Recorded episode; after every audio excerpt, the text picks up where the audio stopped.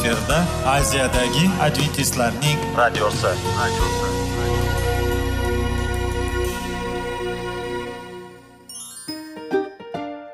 Assalomu alaykum aziz radio tinglovchilar. Sog'liq daqiqasi rubrikasiga xush kelibsiz. Zero tananing sog'lom bo'lishi va uning kasalliklardan saqlash har bir insonning burchi hisoblanadi. Inson uchun bebaho boylik bu sog'liq salomatlikdir. Uni asrash esa har birimizga omonat qilib berilgan. Shuning uchun ham inson o'z sog'lig'ini ehtiyot qilishi voajib amallardan hisoblanadi. Dono xalqimiz sog'liq tuman boylik deb bejiz aytmagan. Aql idroq sohibi bo'lgan inson o'z hayotini qadrlashi lozim bo'ladi. Hozirgi kunda qanchalik dori darmonlar ko'paymasin tibbiy muassa sifati shifokorlar vasiyasi tibbiy texnika yaxshilanmasin. Agar insonning o'z salomatligi haqida qayg'urmasa kutilgan natijaga erishib bo'lmaydi va biz sizlarga bizning dasturimizga xush kelibsiz deymiz.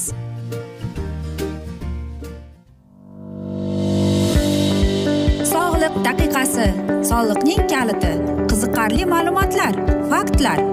Har kuni siz uchun foydali maslahatlar. Sog'liq daqiqasi rubrikasi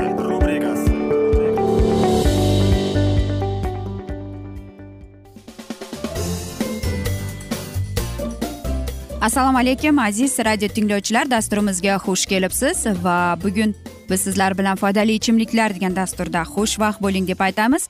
Va bugungi bizning dasturimizning mavzusi yo'tal deb nomlanadi. Albatta qishda va kuzda mana shunday yo'tal ko'payib qoladi. Odamlar ko'p kasal bo'ladi. Lekin uni qanday qilib davolash kerak? Bugun biz sizlar bilan dasturda mana shu haqida suhbat quramiz. Yo'tal odam organizmining kimyoviy yoki bakteriyali bezovtalikka ya'ni qichishga javoban tabiiy reaksiyadir. Odam dimog'ida har sutkada normal ravishda nafas olish uchun zarur bo'lgan ikki ikki yarim milligramm shilliq ajratuvchi kichik bezlar joylashgan. Allergik reaksiya yoki yuqori harorat natijasida ushbu shilliq quyuqlashib namlikka aylanadi.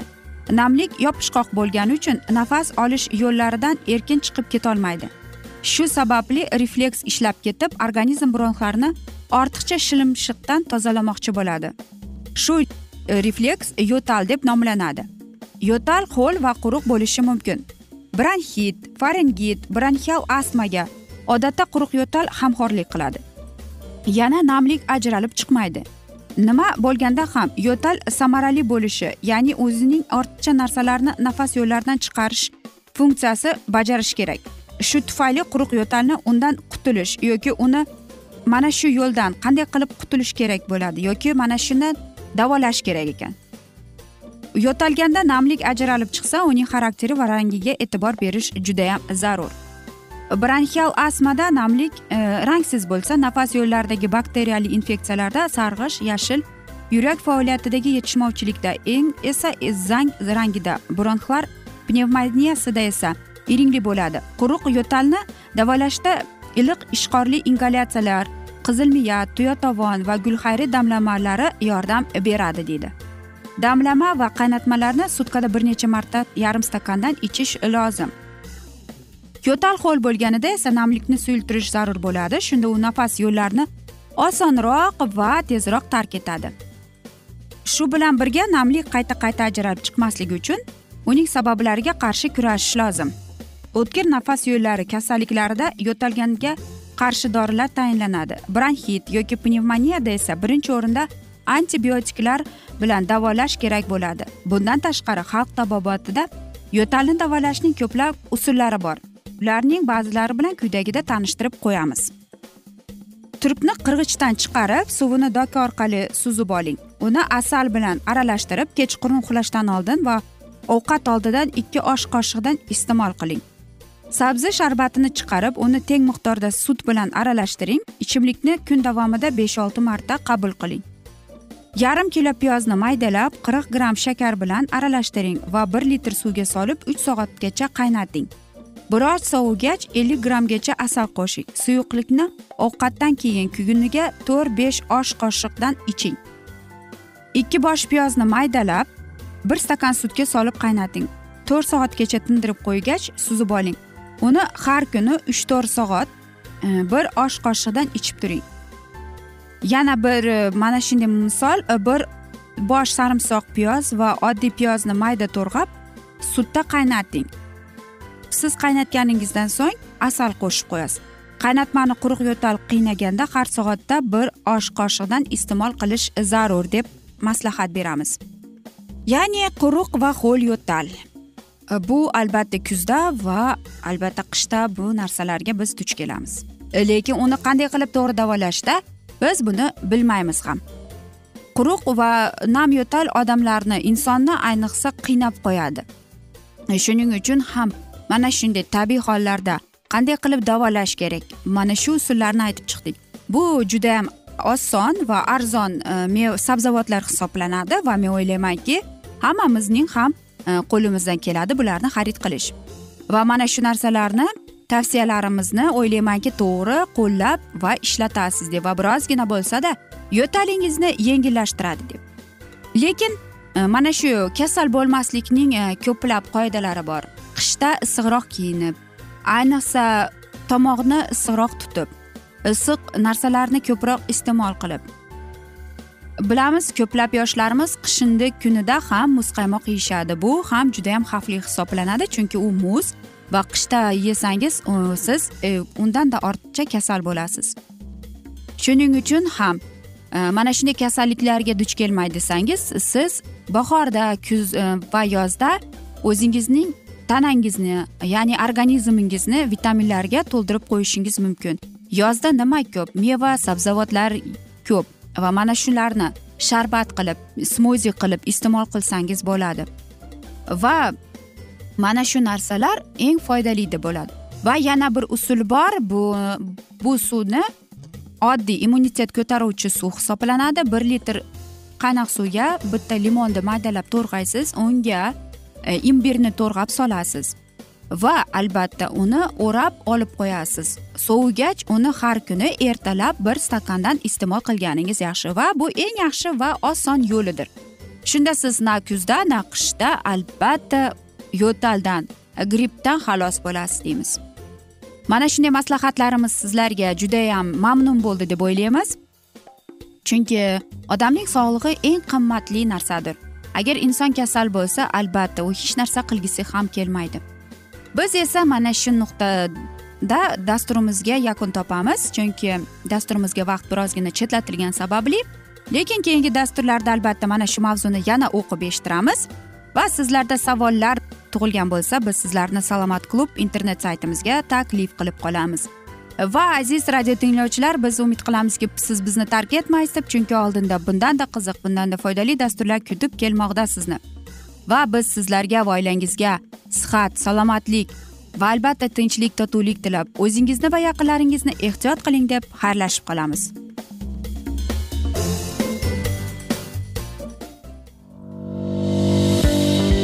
Sog'liq daqiqasi soliqning kaliti qiziqarli ma'lumotlar faktlar. Har kuni siz uchun foydali maslahatlar.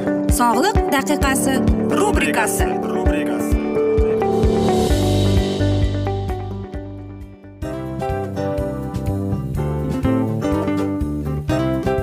Mana ha hayotda hamma narsaning yaxshi narsalar tugaydi va yakunlaydi degandek bizning dasturimizga ham yakun keldi. O'ylaymanki bizning dasturimiz sizga foydali bo'ldi deb aziz radio tinglovchimiz. Va siz o'zingiz uchun kerakli xulosalar kerakli maslahatlar olib oldingiz. Aziz radio tinglovchimiz biz bilan qoling va keyingi dasturlarimiz albatta undanda qiziqroq bo'ladi. Mana shu alfozda sizlar bilan xayrlashib qolaman.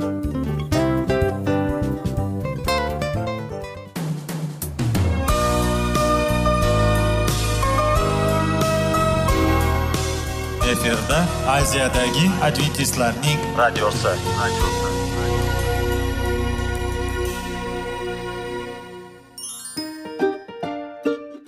assalomu alaykum aziz radio tinglovchilarimiz.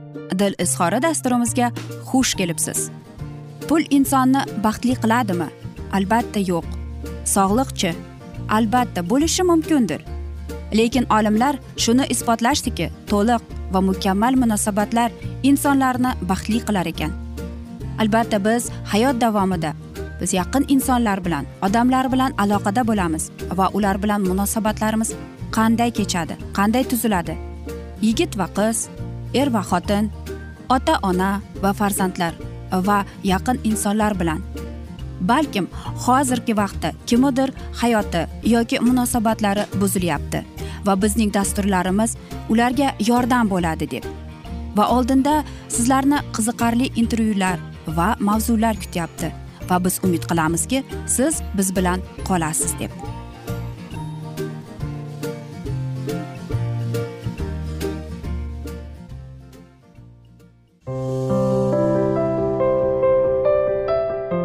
Kuni har xil kasbdagi odamlar bilan sirlashish va bo'lishish sevgi rashq munosabat bularni hammasi dil izhori rubrikasida.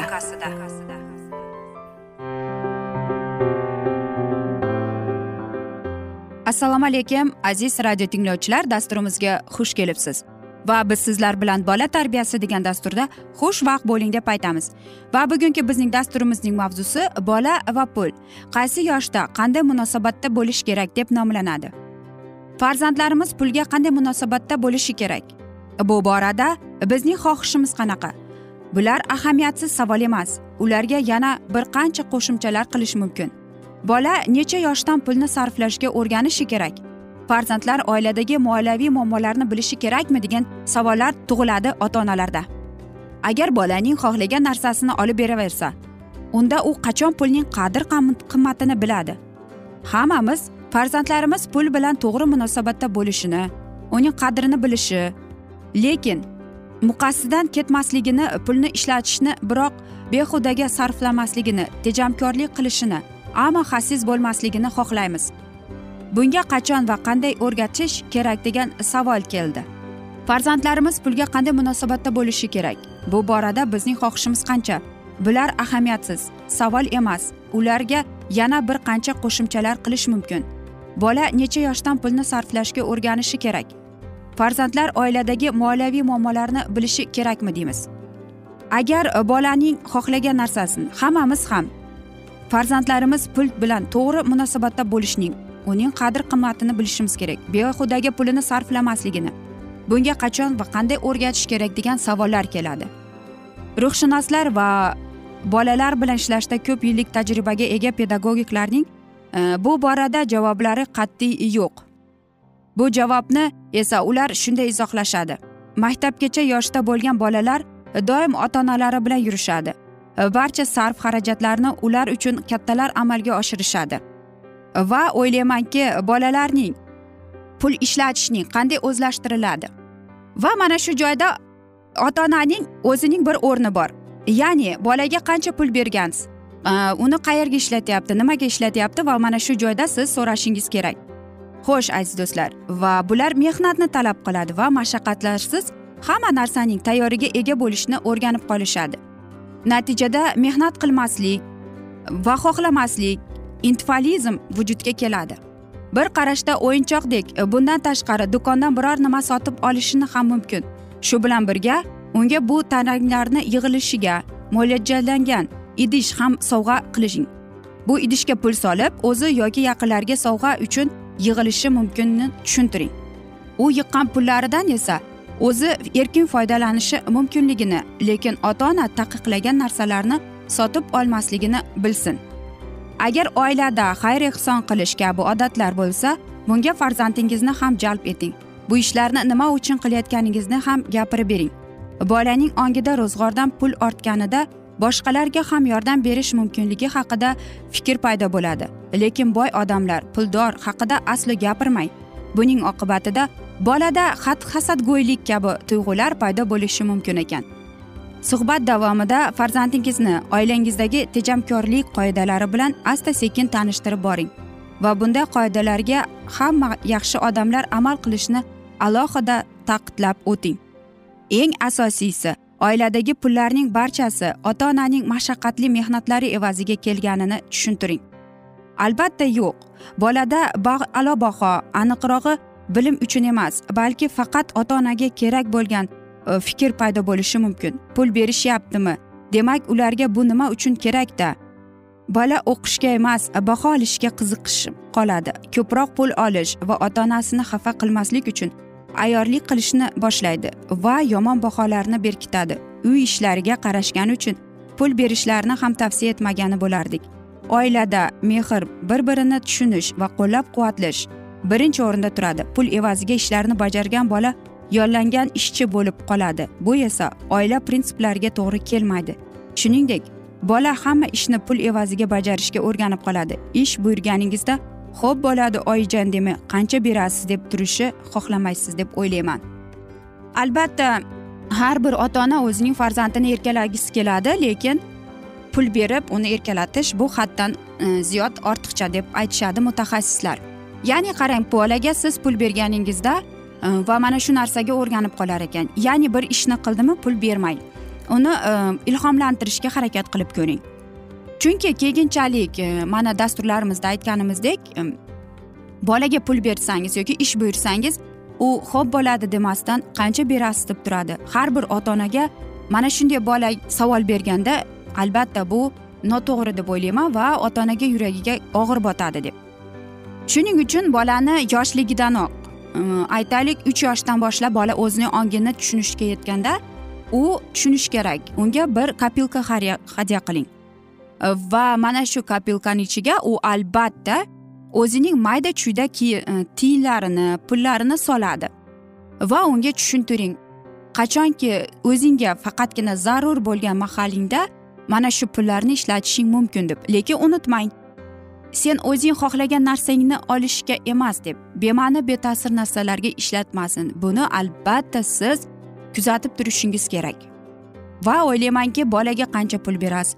Maktabdoshlarni kam bo'lmasin deb yoki e, talaba baribir pul deb yo'q aziz do'stlar aziz ota onalar bola pulning qadrini bilishi kerak sizning mehnatingizni qadrini bilishi kerak. Va shundagina bola tushunadiki pul unchalik oson kelmasligini. Aziz do'stlar hamma yaxshi narsaning ham yakuni bo'ladi degandek bizning dasturimizga ham. Yakun kelib qoldi afsuski vaqt birozgina chetlatilgani sababli lekin keyingi dasturlarda albatta mana shunday mavzuni yana o'qib davom ettiramiz. Va umid qilamizki siz bizni tark etmaysiz deb chunki oldinda bundanda qiziq va foydali dasturlar kutib kelmoqda. Va albatta biz sizlarga va oilangizga tinchlik totuvlik tilab o'zingizni va yaqinlaringizni ehtiyot qiling deb yuzingizdan tabassum hech ham ayrimasin deb va albatta aziz do'stlar seving seviling deb xayrlashib qolamiz.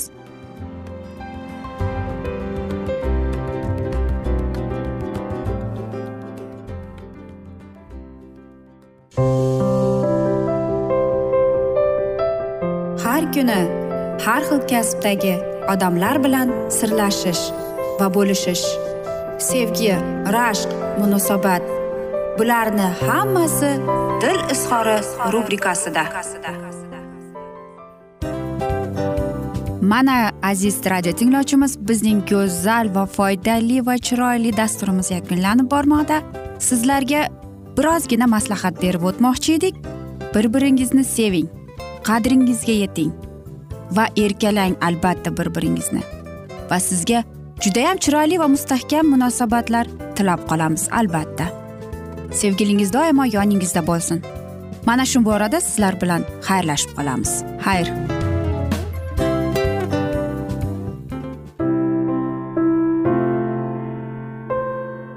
Hayotning noni.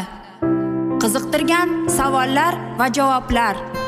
Buning hammasi ko'ngil uchun oziqa rubrikasida.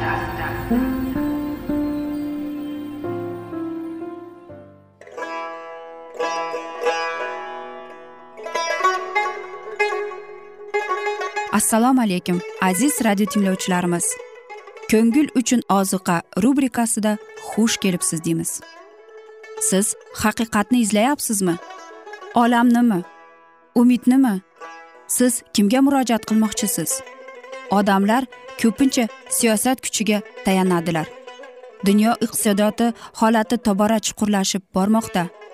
Tabiiy ofatlar va texnogen halokatlar minglab insonlarning hayotini olib ketib juda katta zarar yetkazmoqda.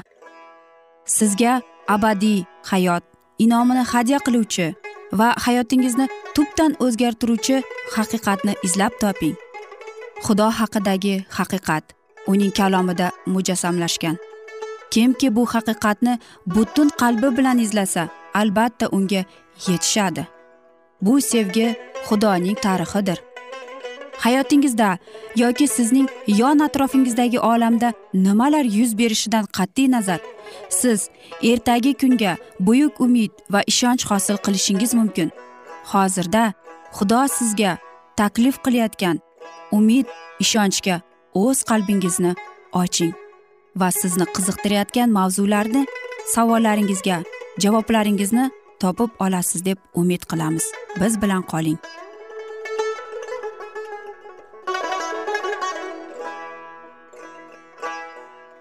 Assalomu alaykum aziz radio tinglovchilar. Dasturimizga xush kelibsiz va biz sizlar bilan ulug' kurash degan kitobni o'qib eshittirishni boshlagan edik. Va bugungi bizning dasturimizning mavzusi dard alam vaqti deb nomlanadi. Faqat bitikni sinchkovlik bilan taqdid etadiganlar haqiqat sevgisini qabul qiladiganlar butun olamni asir qiladigan vasvasalar kuchidan himoya qilinadi. Xudoning kalomi yordami bilan ular yolg'onchini fosh qiladilar. Hamma sinovdan o'tkaziladi. Vasvasalar chinakam masihiylarni yuzaga chiqaradi. Xudoning xalqi bu vasvasalarga o'chmaslik uchun uning kalomida shunchalik qat'iy tura oladimi? Xudoning xalqi bunday jiddiy lahzalarda muqaddas kitobga va faqat muqaddas kitobga rioya qilarmidi? Bu kunga tayyorgarlikka xalaqit berish uchun iblis bor imkonini ishga solishga soladi. Odamlar zaminiy boyliklarga berilsinlar. Og'ir yukni ko'tarib borsinlar. Ularning yuraklari hayotning tashvishlaridan boshqasini qabul qilmasin. Sinov vaqt ular uchun xuddi o'g'riday kelsin deb iblis hamma imkoniyatini ishga soldi. Turli masihiy hukmdorlari tomonidan xudoning amrlariga rioya qiladiganlarga qarshi chiqarilgan farmon ularni davlat tomonidan himoya qilishdan mahrum etadi. Va ularni halok qilmoqchi bo'lganlarning qo'llariga beradi. Xudoning bolalari shaharlardan qishloqlardan qochib ketadi. Xilvat joylardan sahrolardan boshpana topadilar. Ko'pchilik uchun chiqib bo'lmas qoyalar boshpana bo'ladi. Pemont masihiylari singari ular baland tog'larni o'zlarining ibodatxonalariga kiradilar va chiqib bo'lmas qoyalarida. Ular uchun xudoga shukur aytadilar ammo hamma xalqlardan va shajarmalardan aslzolardan va oddiy odamlardan boylar va kambag'allardan oqlardan va qoralardan ko'pchiligi shafqatsiz ravishda qullarga aylantiradilar. Xudoning sevgilari zanjirband qilingan zindonlarga azob chekayotgan o'limga hukm qilinganlar bo'lib noxush kunlarni boshdan kechiradilar. Ayrimlari iflos yer to'lalarida ochlikdan o'limga hukm qilinadilar. Ularning nolalarini hech kim eshitmaydi birorta qo'l yordam bermaydi. Hatto xudo ana shu sinov lahzalarida o'z xalqini unutadimi? Tufongacha bo'lgan olamga hukmlar kelganda u sadoqatli nuhni unutdimi? Osmondan olov yog'ilib shaharni yo'q qilganda u lotni unutdimi? Misrda butparastlar qurshovida bo'lgan yusufni unutdimi? Izabel qasam ichib sening boshingda baalaning qismati keladi deb aytganda u ilyosni unutdimi? Tim qorong'i sassiq o'rada azob chekayotgan yeremiyani unutdimi? Olov yonib turgan tandirda uchta iymon qahramonlarini unutdimi? Yo sher o'rtasidagi doniyorni unutdimi? Ammo qudus shunday deydi. Egam meni tark etdi rabbim meni unutib qo'ydi. Egam aytar axir ayol kishi emizlikli bolasini unutadimi? deb o'zi tuqqan bolasiga rahm qilmaydimi deb. Agar xotinlar bolasini unutsalar ham men seni unutmayman. Qara sening nomingni kaftimga yozib qo'ydim. Devorlarning doimo ko'z oldimdadir. Ishayo kitobining qirq to'qqizinchi bob o'n to'rtinchi she'ridan o'n oltinchi she'rini qarang. Sizlarga tekkanlar xuddi mening ko'z qorachig'imda tekkanday bo'ladi. Zahariya kitobining ikkinchi bob sakkizinchi she'rini qarang. Garchi dushmanlar xudoning xizmatkorlarini qamoqqa tashlasa ham qamoqxona devori ularning ruhini masihdan ajrata olmaydi. Ularning har bir zaif tomoni ma'lum bo'lgan o'sha har bir sinov bilan tanish bo'lgan o'sha jamiki zaminiy hukmdorlardan yuqoridir. Ular yotgan kishi kirish imkoni yo'q zindonlarga farishtalar o'zlari bilan samoviy nur va tinchlikni olib keladilar. Zindon xuddi saroyga o'xshab qoladi chunki u yerga boylar imon bilan keladilar. Qorong'i gumbazlar osmon nurlaridan yorishadi. Ancha ilgari pavlus bilan sila filippini shahridagi zindonda yotganlarida yarim tunda ibodat qilib hamdu sano kuylaganlarni singari bo'ladi. Xudoning hukmronlari uning xalqini ezib halok qilmoqchi bo'lganlarga keladi. Xudoning shaqqoqlarga nisbatan sabr toqati ularga jasorat bag'ishlaydi ammo jazo muqarrar va dahshatli bo'ladi. Uzoq cho'zilishga qaramay perazim tog'iday o'z ishimni qilay deb egam qo'zg'aladi. Givon e, vodiysidagiday u g'azabga minadi. Ha u o'zining ajoyib ishini qiladi. Uning ishlari hayratda qoldiradi. Ishayo kitobining yigirma sakkizinchi bob yigirma birinchi she'rini qarang. Bizning shafqatli xudoyimizning jazosi bu g'ayri tabiiy ish.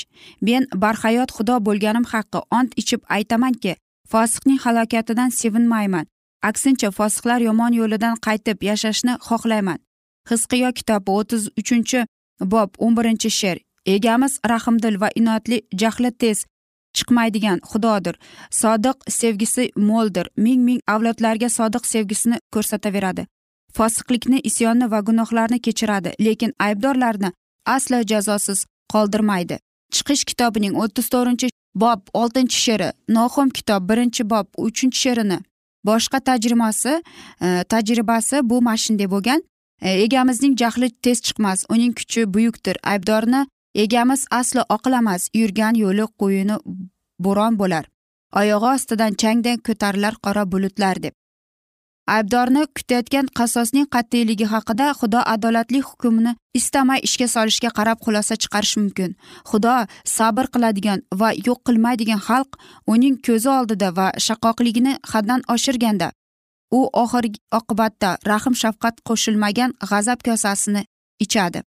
Masih samoviy ibodatxonada o'z vositachilik xizmatini tugatganda xudoning shafqatsiz g'azabi kimki maxluqqa va uning tasviriga sajda qilib peshanasi yoki qo'liga tamg'a qabul qilsa o'shaning ustiga quyiladi.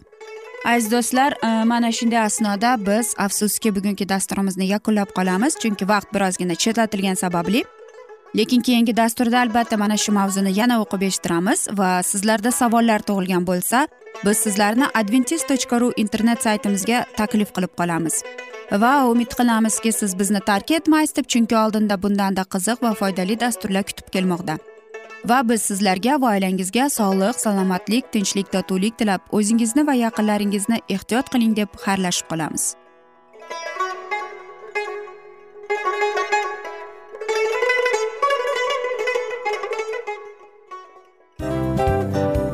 Mana aziz radio tinglovchimiz hamma yaxshi narsaning yakuni bo'ladi degandek bizning ham dasturlarimiz yakunlanib qolmoqda.